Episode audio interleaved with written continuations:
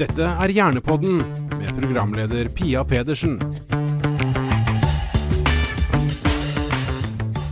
Velkommen til en ny sesong av Hjernepodden, hvor vi nå i løpet av åtte episoder skal snakke om søvn. Og vi skal ha besøk både av fagfolk og folk som har ulik erfaring med søvn.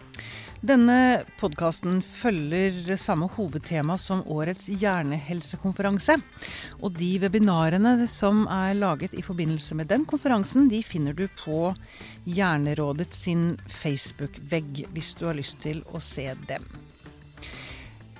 Aller første episode den skal handle om hjernevask. Hjernevasking. Og da må vi poengtere at det er den gode formen for hjernevasking vi snakker om. Vi har fått besøk av Rune Enger. Velkommen hit. Jo, takk for det. Du er første amanuensis, amanuensis ved Institutt for medisinske basalfag ved Universitetet i Oslo, og forsker ved Glialab. Mm. Ja. Vi vet at det er godt å sove. Vi blir aldri, alle glad når vi sover godt. sant? Mm. Det, er en, det er en viktig del av livet, det å sove. Absolutt. Og så vet vi at alt blir veldig mye tyngre hvis vi ikke sover godt. Mm. Men vi vet ikke helt hvorfor vi egentlig sover. Nei, eh, det er egentlig ganske riktig sagt. Altså vi vet en del om hvordan vi sover. Altså hvis vi setter noen elektroder utenpå hodet, så kan vi se forskjellige ting som foregår. og, og vi, hvis vi ser med høyere oppløsning, så kan vi se at ja, det er visse deler av hjernen som er aktive når vi sover, og andre som ikke er aktive, i motsetning til våkenhet. Men hvorfor vi trenger å sove, det er ikke så, det er ikke så godt å, å, å helt presist definere. Vi vet jo en del om ting som går mye bedre hvis vi sover. F.eks. dette med minnefunksjon, at vi, vi, vi, husker bedre. Hukommelsen blir bedre hvis vi, hvis vi sover, f.eks.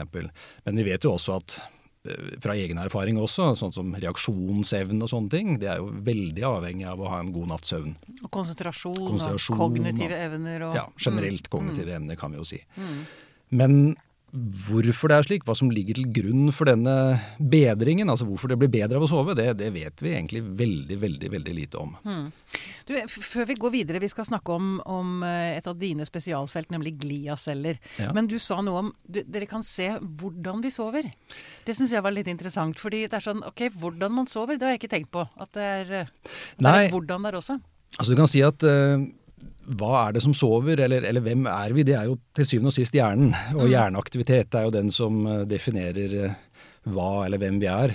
Um, men um, det er klart når vi er våkne sammenlignet med når vi sover, så er det forskjellige deler av hjernen som er aktive, og de er aktive på andre vis. Um, for eksempel så vet vi at det er noen sånne små områder i hjernen som gjør at vi kan at vi holder oss våkne, at vi kan våkne opp.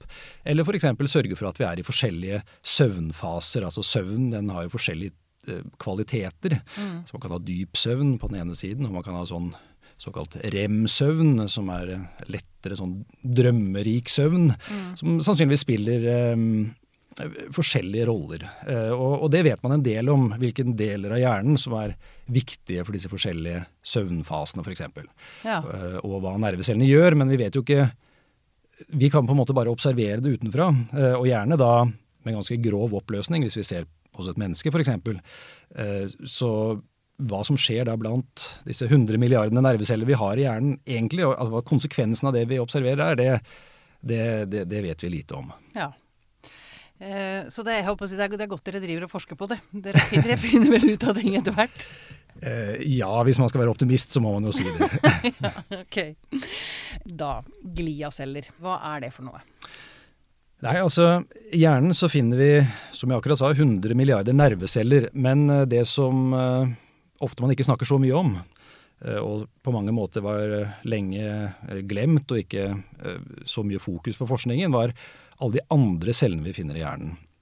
Og En sekkebetegnelse for det, det er eh, gliaceller. Og det er altså ikke nerveceller. Ja, man kan sånn enkelt sett si det. Det er de ikke-nervecellene. Det, er- det er en forenkling, for det finnes jo blodårer og alle mulige andre celler også, men, men vi skal si veldig grovt, så har vi nerveceller og så gliaceller som en slags todeling. Og så er det sånn at gliacellene de, de deles igjen inn i mange undergrupper. Så du har noen gliaceller som eh, er en del av immunforsvaret, som heter mikroglia.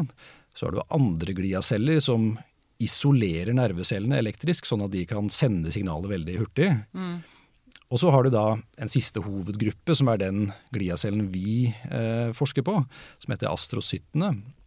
Som eh, er en mer kompleks celle som vi, vi, vet ikke så mye om hva den gjør, men vi, vi antar at den er en slags vaktmestercelle i hjernen. Eh, den sørger for at nervecellene får helt optimale forhold, slik at de kan gjøre det de skal gjøre, som nemlig er å være Aktive. eh, aktiv og sende signaler Ja. veldig hurtig. Mm. Altså inni hjernen så, så kan et signal gå fra ene delen av hjernen til den andre delen av hjernen i løpet av veldig få millisekunder. Mm. Selv om det går via forskjellige nerveceller. Så det er veldig hurtige signaler. Et annet eksempel er det raskeste eh, nervecellene i, kroppen. Der har man jo signaler som kan gå med opp mot 100 meter per sekund. Eh, så det er veldig, veldig hurtige signaler. 100 meter per sekund. Ja, og, og, og for at det skal gå, så, så må forholdene være helt optimale. F.eks. For eksempel den, den, den væsken som eh, disse nervecellene ligger og bader i, for det er jo væske i vevet, som man kanskje vet, hvis man har skåret seg, så kommer det ut et eller annet, ikke sant, og det er jo væske. Um, eh, den må være veldig nøye regulert. Det må være riktig mengde salter, sånn som natrium og kalium og sånne salter som man har hørt om. Um, hvis det bare er veldig små forstyrrelser der, ja, så fungerer ikke hjernen i, det hele tatt. Altså Man kan tenke seg at man kan få epilepsiaktivitet eller, eller annen aktivitet øh, som ikke er den ønskede aktiviteten. Altså, du kan si at det er en likevekt i hjernen som hele tiden må opprettholdes for at hjernen skal fungere øh, sånn vi ønsker at den skal fungere. Da. Og øhm, vi tror nok at disse astrocyttene, disse vaktmesterne da, som vi snakker om, jo de er spesielt viktige nettopp for det. De regulerer sammensetningen av den væsken som nervecellene ligger og bader i. Og dermed muliggjør at nervecellene kan fungere slik de skal da. Betyr det da at disse gliacellene er mest aktive om natta når vi sover? Er det det dere tror? Ja, Det vet vi ikke så mye om, for det er jo helt klart slik at de er veldig viktige i våkenhet også. De er, de er viktige hele tiden, i den forstand at um, um, altså to nerveceller de, de snakker sammen ved å slippe ut signalstoffer. Og disse signalstoffene det forlater den ene nervecellen, og så treffer det egne reseptorer på den andre nervecellen. Og det gjør at den andre nervecellen endrer sin aktivitet, sånn veldig enkelt sagt.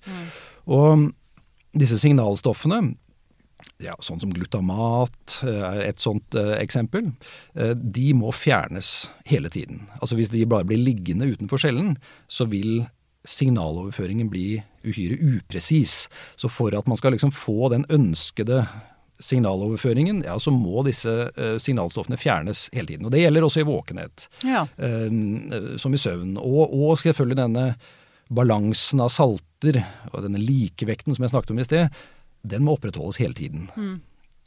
men det kan hende at den likevekten kan være litt annerledes når vi sover, sammenlignet med når vi er våkne. Akkurat. Så man kan tenke seg at disse gliacellene kanskje har et litt for høyt aktivitetsnivå om natta? For å rense ut mer. At, fordi jeg vet at dere tenker at det er derfor søvnen kan være viktig. At fordi den bidrar til å vaske hjernen fri for eh, jeg holdt på å si slaggstoffer. Det er kanskje ikke riktig ord å bruke sånn rent forskningsmessig, men Jo da, det er eh, egentlig et helt greit eh, ord eh, for å beskrive det det er snakk om. For det er nok ikke helt sikkert hva alle disse stoffene kan være som vaskes ut. Men det er riktig. det ble jo funnet ut for ja, snart ti år siden at at disse gliacellene de bidrar til å vaske hjernen fri for avfallsstoffer. I 2012 så var det en eh, artikkel som viste det.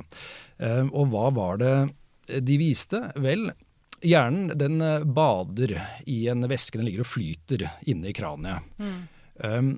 Så viser det seg at denne væsken, som heter cerebrospinalvæsken, altså fra cerebro, det har med hjernen å gjøre, og spinal har med ryggmargen å gjøre, denne cerebrospinalvæsken, den, den kan trenge ned i hjernen og skylle med seg avfallsstoffer som da fraktes ut av hjernen igjen. Um, og dette systemet, da, det ble jo eh, kalt det såkalt glymfatiske system. Um, og hvorfor det? Jo, fordi det har funksjoner som ligner litt på hvordan lymfesystemet fungerer i resten av kroppen. ja. For, for i hjernen, i selve hjernevevet så har vi ikke lymfeårer, sånn som vi finner i resten av kroppen. Og, og lymfesystemet i resten av kroppen det, det er viktig bl.a. for å fjerne overskuddsvæske fra vevet. Altså hvis man eh, tilstopper disse lymfeårene, ja, så vil man se at man får en sånn en, en svelling eller en hevelse f.eks. armen, hvis man mm. ødelegger disse.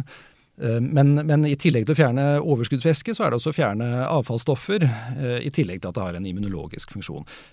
Man tenkte at dette væskesirkulasjonssystemet, det glymfatiske system, at det ivaretar noen av de funksjonene i hjernen. Så det var på en måte analogt da, med lymfesystemet i resten av kroppen. Mm. Og hva med gen? Jo, det kommer jo da fra gliacelle. Akkurat. Ja. Når du sier at de vasker ut disse avfallsstoffene, hvor blir det av? Det er nok flere veier det kan uh, gå ut av hjernen. Mm. Uh, en mulig vei er via lymfeårer, faktisk, som vi finner i hinnene som ligger rundt hjernen. Mm. Så man kan tenke seg at det er liksom det første man treffer. Uh, det er jo disse hinnene som ligger som en sånn sekk rundt hjernen. Meningene. Og der ble det faktisk, det var vel i 2015, oppdaget at det faktisk er lymfeårer, for det trodde man lenge heller ikke. Så det også er et ganske stort gjennombrudd i denne type forskning, at man har funnet lymfeårer i, i hinnene rundt hjernen. Um, uavhengig av Altså det kan være andre veier også. ikke sant? Det kan, det kan følge f.eks. Eh, nervene og, og, på en måte ut av eh, hva skal vi si, det, det, det, sentrale å gå over i blodbanen. Mm. Det kan uh, kanskje skilles ut gjennom nesen. Ja. helt, helt, øverst i nesen så er det et sånt lite skal vi kalle det et silben. altså Det er et ben med masse små perforasjoner i, eh, hvor eh, disse eh, nervecellene som registrerer lukt, strekker seg gjennom. Man kan anta også at det er et viktig vei hvor, hvor, hvor f.eks. disse avfallsstoffene da kan dreneres ut av, av selve kraniet. Ja. Og så er det dette med at alle, altså, alle i dyreriket sover på en eller annen måte. Ja. Ehm, det, det er jo på en måte det, et slags mysterium. Altså, alle skapninger man har sjekket, har et eller annet vi kan tenke på som søvn. Altså, det arter seg jo ikke helt sånn som hos mennesker, sånn som vi kjenner søvn hos mennesker. Mm. Men um, selv hos maneter og mark gresshopper, hva det nå enn måtte være. Det er på å si nesten blomster òg. De driver jo og lukker seg om natta. Ikke sant. De endrer i hvert fall aktivitet i, løpet av døgnet. Mm.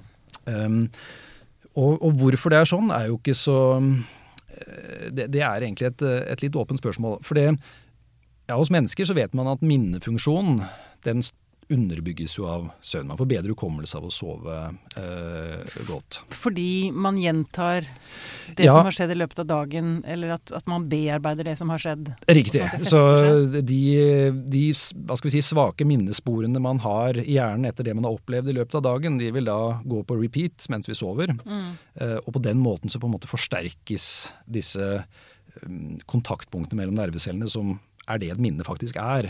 Ikke sant? Det er jo noen nerveceller som har en tendens til å uh, kunne reaktiveres. Mm. Men, men, hvis man snur på det, ok. Uh, det å uh, huske godt, det kan vel knapt være årsaken til at vi finner søvn hos en mark eller en manet. Altså De har jo mm. ikke sånne type feinschmecker-hjerneoppgaver. Og, og, og, manet har jo på en måte ikke hjerne på samme vis heller. Altså de har mm. noen nerveceller rundt om, men på et annet vis enn hos mennesker og pattedyr. Så, så, hva slags roller er det da søvn spiller? Og, og, svaret kan nok være at søvn har forskjellige årsaker i forskjellige skapninger. Man kan jo tenke seg det at um, hos mennesker så er um, søvnen det er en, et tidspunkt hvor man da har hatt muligheten til å gjøre visse andre oppgaver som ikke er så godt egnet til å gjøre mens man er våken. Men at man kan tenke seg at søvn oppsto pga. et annet behov Eh, evolusjonsmessig enn det å huske godt. Ehm, et eksempel som jeg liker å trekke frem, det er jo det å, å spare på energi. Mm. Um, og det ser man jo i dyreriket. Um, et ekstremt eksempel er jo kolibrien. Altså dette er jo veldig, veldig små fugler. Mm. De har et veldig, veldig høy metabolisme uh, når de flyr, flyr rundt. Altså vingene går jo fryktelig fort, men kanskje enda viktigere, de er veldig, veldig små. Det betyr at de har lite volum i forhold til den overflaten de har. Og for å, i det hele tatt å klare å opprettholde kroppstemperatur, så krever det enormt med energi. Å klare å holde kroppen på rundt 37 grader eh, ja, hvis det Altså, kolibri lever jo til dels i steder hvor det blir ned mot null grader, og også minusgrader, mm. visse typer kolibrier. Og det de da gjør, er rett og slett å gå inn i en slags dvalelignende søvn, hvor uh, kroppstemperaturen senkes veldig mye i løpet av natten. Ja. Og dermed sparer de veldig mye energi. Det er nesten som en slags koma, liksom? Som en slags koma. Mm. Um, og det, det, kan jo på en måte eksemplifisere en viktig årsak til at alle skapninger sover, hvis man ser stort på det. Mm. Kan si oss mennesker, ja ja, i Norge i 2021 så er det jo ikke matmangel primært sett som er eh, vårt største problem. Vi bruker kanskje... ikke så mye krefter på å skaffe oss maten som vi gjorde for uh, tusen år siden? Nei, eh, kanskje snarere tvert imot. Men hvis man snur på det, da. Hvis man bor i et, uh, et sted hvor det er en uh, hungerskatastrofe mm.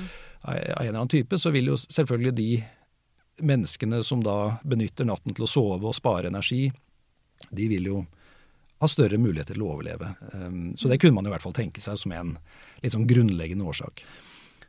Og så er det jo dette, uh, for å komme tilbake til dette hjernevaskfunnet, da.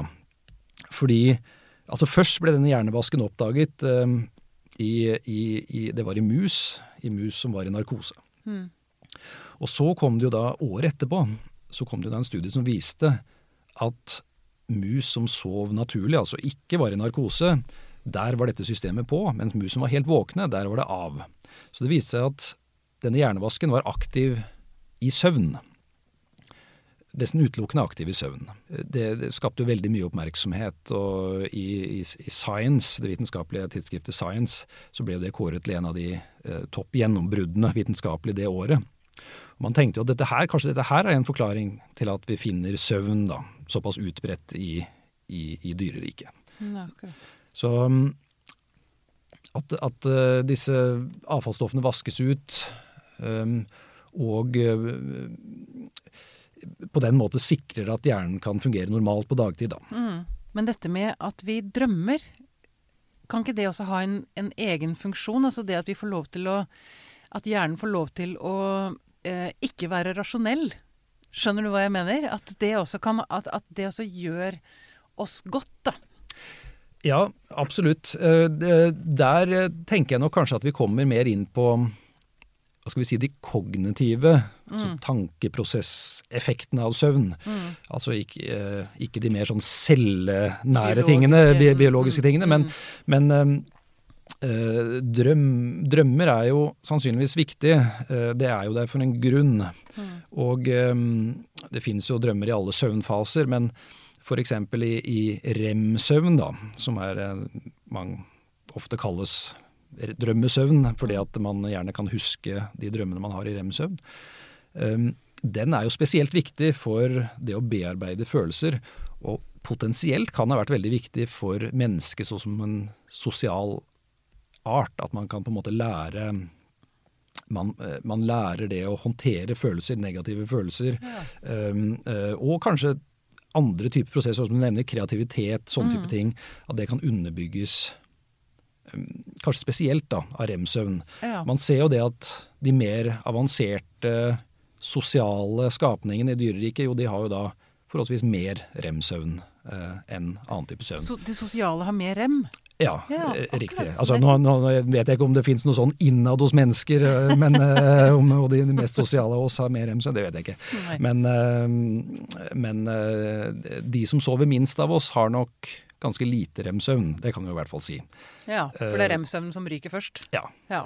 Rem-søvn kommer i, i, størst grad mot slutten av natten. Mm. Så hvis man da på en måte og kutter natten veldig, så er det den rem-søvnen som ryker i størst grad. Akkurat. Ok. Dere tror også at man er mer utsatt for sykdommer som demens, Alzheimer, eh, hvis ikke gliacellene fungerer, hvis ikke de får rensa og vaska hjernen godt nok. Kan ikke du si litt mer om det? Jo, um, i denne studien da, hvor de eh, beskrev dette væskesirkulasjonssystemet, eller denne hjernevasken for første gang, der uh, prøvde de da å injisere et stoff som heter um, beta-amyloid. Og beta-amyloid det er et stoff som eh, produseres i hjernen hele tiden, og som fjernes hele tiden, kontinuerlig. Det er en slags likevekt av det. Nå ser man da hos eh, pasienter med demens, og kanskje aller typisk da mest typisk med Alzheimers sykdom, ja, da ser man at dette beta-amyloidet det kan klumpe seg sammen utenfor cellene og gi sånne avleiringer, plakk kalles det, i, i hjernevevet. Det blir litt sånn seende litt ut som en sveitserost, hvis man skal si det litt uh, stygt. Uh, rett og slett fordi at disse, dette avleier, avleirer seg utenfor cellene. Og det man da viste i denne hjernevaskstudien, var at jo, dette beta-amyloidet det ble faktisk skylt ut ved hjelp av dette systemet. Mm. Nå finnes det andre mekanismer også som beta-amyloid fjernes fra hjernen, men det her viste seg at uh, i hvert fall spiller inn. Og man kan da tenke seg at um, dette glymfatiske system det er viktig gjennom et langt liv for å hjelpe til å fjerne beta-amyloid. Og så kan man jo da på den andre siden tenke seg ja, hva hvis man har ø, veldig dårlig søvnkvalitet, eller at det er andre forhold som vi ikke nå har kjennskap til, som gjør at dette glymfatiske systemet fungerer dårligere, kanskje gjennom 30-40-50 år. Ja, kanskje det kan disponere for at det blir mer beta-amyloid, og du får flere sånne ja, sånne slagstoffer i hjernen da, som ja. kan da gi demens. Mm, men hvordan kan man da stimulere dette glymfatiske systemet? Altså, Nervecellene kan man jo trene opp på en eller annen måte. Ja. Men gliacellene Ja, eh, det er nok et uh, spørsmål som det ikke finnes noen helt konkrete, i hvert fall sikre svar på. Mm. Eh, hvis man ser i litteraturen, så finnes det stadig vekk noen artikler. Ja, det glymfatiske system kan kanskje bli bedre av å trening. ikke sant? Det kan bli bedre av Jeg tror til og med det har vært sånn type et glass rødvin om dagen. Altså e, e, en del litt sånn, litt sånn tabloide innfallsvinkler. Mm. hvorvidt det er noe hold i dette, det tror jeg tiden heller må vise. Mm. Og kanskje en enda viktigere uh, tilnærming nå er å få mer klarhet i hvordan det faktisk fungerer. Fordi det er mange uklare momenter i hvordan dette, denne hjernevasken egentlig foregår. Dels fordi at studiene baserer seg hovedsakelig på studier i forsøksdyr, i mus. Og det er klart hjernen til en mus er jo ganske annerledes enn et menneskehjerne. Mm. Det er jo det første, det åpenbare, den er jo betraktelig mindre. ja. uh, og, og, og, det kan være forhold som, som gjør at uh, det ikke er så direkte overførbart. Imidlertid så har det jo nå begynt å komme studier også hos mennesker, hvor man bruker MR-teknologi, som, uh, som, viser det vi må tro er det glymfatiske systemet. Det vil jo arte seg annerledes, for man måler det på et annet vis. Mm. Hos mus så kan vi jo bruke avansert lasermikroskopi f.eks., som gjør at vi kan se helt ned på cellenivå. Altså helt ned på det aller, aller mest mikroskopiske, og se hvordan hjernen fungerer. Hos mennesket, en, en, en MR-maskin er jo en veldig grov oppløsning, hvis du sammenligner det med det. Mm. Så der vil det jo arte seg litt annerledes. Men det, jeg syns det er veldig lovende nå at man begynner å få studier også hos mennesker, for det vil jo gjøre det lettere å, å kunne se om det kan være ting man kan gjøre uh, for å påvirke dette. Ja, Du har også nevnt at altså, um, kunne man klart å skape en datahjerne, sånn at man kan forske ordentlig på dette? ja, altså Problemet med hjernen er jo at den er uhyre kompleks. Mm. Uh, vi snakker om rundt regnet 100 milliarder nerveceller. og så For å gjøre kompleksiteten ytterligere, uh, så er jo det minst like mange gliaceller. Og så vet vi da at disse celletypene de snakker sammen, og kanskje mer, på en mer avansert måte enn det vi, det vi vet mm. uh, nå. Altså Med alle verdens eh, stipendiater og forskere så ville vi jo aldri kunne klare å komme i mål med å kartlegge hele hjernen. Uh, uavhengig av hvor mye tid vi har, kan du si. Uh, men det vi kan gjøre, er å forstå bestanddelene. Mm. Og så prøve å sette det sammen. og det er klart jeg tror nok at svaret på hvordan hjernen fungerer, i hvert fall lettest kan gjenskapes i en datamaskin. Så er spørsmålet om vi klarer å tolke hva den datamaskinen gjør, inn på den diskusjonen med kunstig intelligens osv. Mm.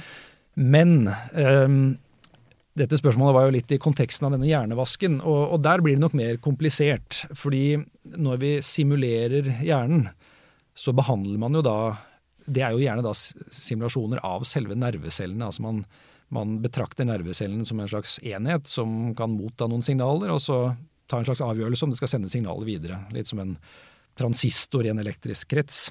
Veldig sånn forenklet måte å tenke på det. Og det er nok sånn at den, eh, selv om det er jo noen som også modellerer hvordan gliacellene fungerer, så er det nok sånn at det, er langt igjen før vi kan simulere hele hjernen med f.eks.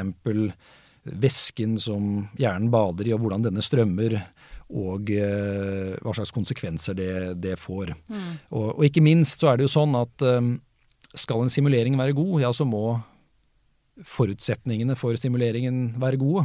Man må ha gode data som man bygger modellen på. Ja. Ellers så vet vi jo ikke om den modellen bare finner på noe visvas, eller om det er reelt. Ja. Um, så, men, eh, men, det er jo forskere som jobber med det bl.a. i Oslo også, prøver å modellere hvordan væsken strømmer gjennom hjernen. Mm. Så det er klart det er et uh, potensial der. Ja. Jeg vet en av dine kjepphester er at man vet forsvinnende lite om dette feltet vi snakker om nå. Ja, det og, og hjernen generelt, og, mm. og, og, ikke minst også søvn.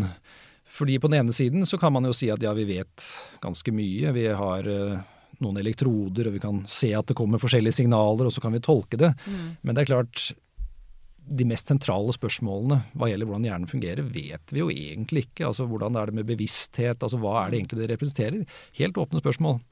Eh, og det er jo Noen kan jo kanskje bli motløse av det, men jeg vil jo si at det snarere er veldig fascinerende og spennende å gjøre det enda viktigere å forske på det. Ja. Eh, og enda mer spennende å forske på det. At det er så mye ukjent. Altså nye ting som kan oppdages. Mm, mm. Hva, hva, drømmer du om for fremtiden da, innenfor forskningen? Hva, hva, hvilket gjennombrudd skulle du likt å se i din levetid? For vi snakker, om, vi snakker om så lange perspektiver her, ikke sant? Mest sannsynlig. Uh, nå kan man jo Det er ikke sånn at utviklingen og forskningen generelt nødvendigvis er en lineær prosess. altså det vil Si at det er et uh, små steg opp hverandre. Plutselig så kommer det overraskende oppdagelser som kan snu opp ned på ting. Og så vil jeg jo si at Nå gjenstår det å se da, hva med dette glymfatiske system. Er det en sånn, en sånn veldig overraskende, veldig skjellsettende funn mm. som noen ting kan tyde på? Eller er det mer eh, ja, sånn nyansert? Mm. Uh, og, og, og, det gjenstår jo å se. Men det som jeg virkelig håper at man vil få mer klarhet i, er jo da hvordan disse gliacellene faktisk fungerer. De har, eh, det er et ganske nytt felt, dette med å se på gliacellene. Og det er fordi at teknologien har ikke vært til stede for å undersøke de. Ehm, nerveceller, jo det kan man undersøke ved å stikke inn en elektrode. Altså, da kan du måle elektrisk aktivitet. Og da skjønner du hva nervecella snakker om, for å si det mm. enkelt. Mm. Disse gliacellene de, de, snakker ikke sammen med elektriske signaler på samme måte. Og det er egentlig først nå de siste 20 årene hvor man har fått eh, avansert lasermikroskopiteknologi, noe som heter tofotonmikroskopi, som gjør at vi kan se hva disse cellene driver med eh, i real time, for å si det på den måten. Altså du, mm. du kan da altså Da er det ikke de elektriske signalene, men, men, andre typer signaler som disse cellene driver med, da, som, vi, som vi kan visualisere i, i mikroskopet. Mm. Uh, og, og, og, utover det, ja, du har fått mikroskopet, men den andre store utviklingen de siste 20 årene har jo vært utvikling i genteknologi. Som gjør at du kan lage nye gener. Du kan lage sånne nanosensorer som du får cellene til å uttrykke så at de lyser opp, f.eks. hvis det er eh, Et eksempel. Vi, disse astrocytene, gliacellene, de kommuniserer med kalsiumsignaler, som er endringer i kalsiumioner inni cellen. Jo, da har man laget sånne nanosensorer som lyser opp når kalsium øker i cellen. Og disse kan vi da mikroskopere og så prøve å forstå hva som skjer. Mm. Eh, så denne voldsomme utviklingen i, i, teknologi har jo gjort det mulig da å stille disse spørsmålene som vi driver med nå. Mm. Og hvem vet hva fremtiden bringer av teknologiske utviklinger. Ja. Men kan det være sånn at dere oppdager nye celletyper, eller nye systemer, eller nye måter disse cellene kommuniserer på, liksom? Altså, For en som står helt utenfor dette, som ikke kan mye om hjerneforskning, så er det sånn ja. Eh, hvor mye tenker man er kartlagt? Altså, jeg, jeg, tror vi kan si ja på alle de spørsmålene du akkurat stilte. Um, klart Nye celletyper, det spørs litt hvor man legger lista. Uh, jo, jo mer du undersøker, jo tydeligere blir det at det fins et, et, et voldsom bredde av forskjellige undertyper av celler. Da blir det ikke sånn at ok, du finner en eh, du finner nerveceller og gliaceller, og så finner du en tredje hovedgruppe celler. Det vil ikke være tilfellet. Men man vil kanskje kunne finne at ja, innen gliaceller så var det en, en, helt nyoppdaget celle som ingen visste om, som har en spesiell funksjon, f.eks. Mm. Uh, sammen med nerveceller. Det finnes jo et voldsomt spenn i forskjellige typer nerveceller. Det finnes noen hovedgrupper, og så jo lenger ned du ser i hierarkiet, så finner man stadig vekk noen nye varianter. Ja. Um, og et spørsmål hva gjelder astrocyttene, som er uh, ganske kontroversielt i det feltet vi driver, er i hvor stor grad disse cellene også, i tillegg til å være vaktmestere, i hvor stor grad er det sånn at de direkte griper inn i signaloverføringen i hjernen. Ja. Så tenk deg at du har to nerveceller som snakker sammen. Og så ligger jo da disse astrocyttene de ligger helt tett, tett, tett inntil disse nervecellene. Og det er nok sånn at disse astrocyttene da kan påvirke signaloverføringen i noen grad, men akkurat hvordan det skjer, er det slik at de sender ut sine egne signalstoffer som direkte påvirker nervecellene, eller er det sånn at de endrer sammensetningen av væske nervecellene ligger i, eller, eller, hvordan dette egentlig foregår, er, er kontroversielt. Men et, et, veldig stort forskningsfelt. Ja. ja. Og så til slutt så har jeg lyst til å spørre deg, tror du at man noen gang vil finne ut 100% sikkert hvorfor vi sover? Mm, ja, både ja og nei. Altså, jeg, er det ikke litt gøy at det er litt mysterium igjen der? ja, jo da, det kan man si. Jeg, jeg, tror nok at, uh, jeg tror nok at svaret på hvorfor mennesker sover, er ikke bare én ting. Mm. Det, er, det, er, forskjellige ting. Um, og, og, og, hva mener jeg med det? Jo, på den ene siden kanskje det er hjernevask. Kanskje det er å spare energi. Kanskje det er sånn type ting som man uh, også ser er viktigere i enklere skapninger. Men så er det jo også, også sånn at hvis du går noen døgn uten søvn, ja, så blir man jo psykotisk. Mm. Eh, altså de, den mer avanserte hjernefunksjonen den bryter totalt sammen. Mm. Eh, og, og, det er jo igjen selvfølgelig en funksjon som søvn er helt nødvendig for. Mm.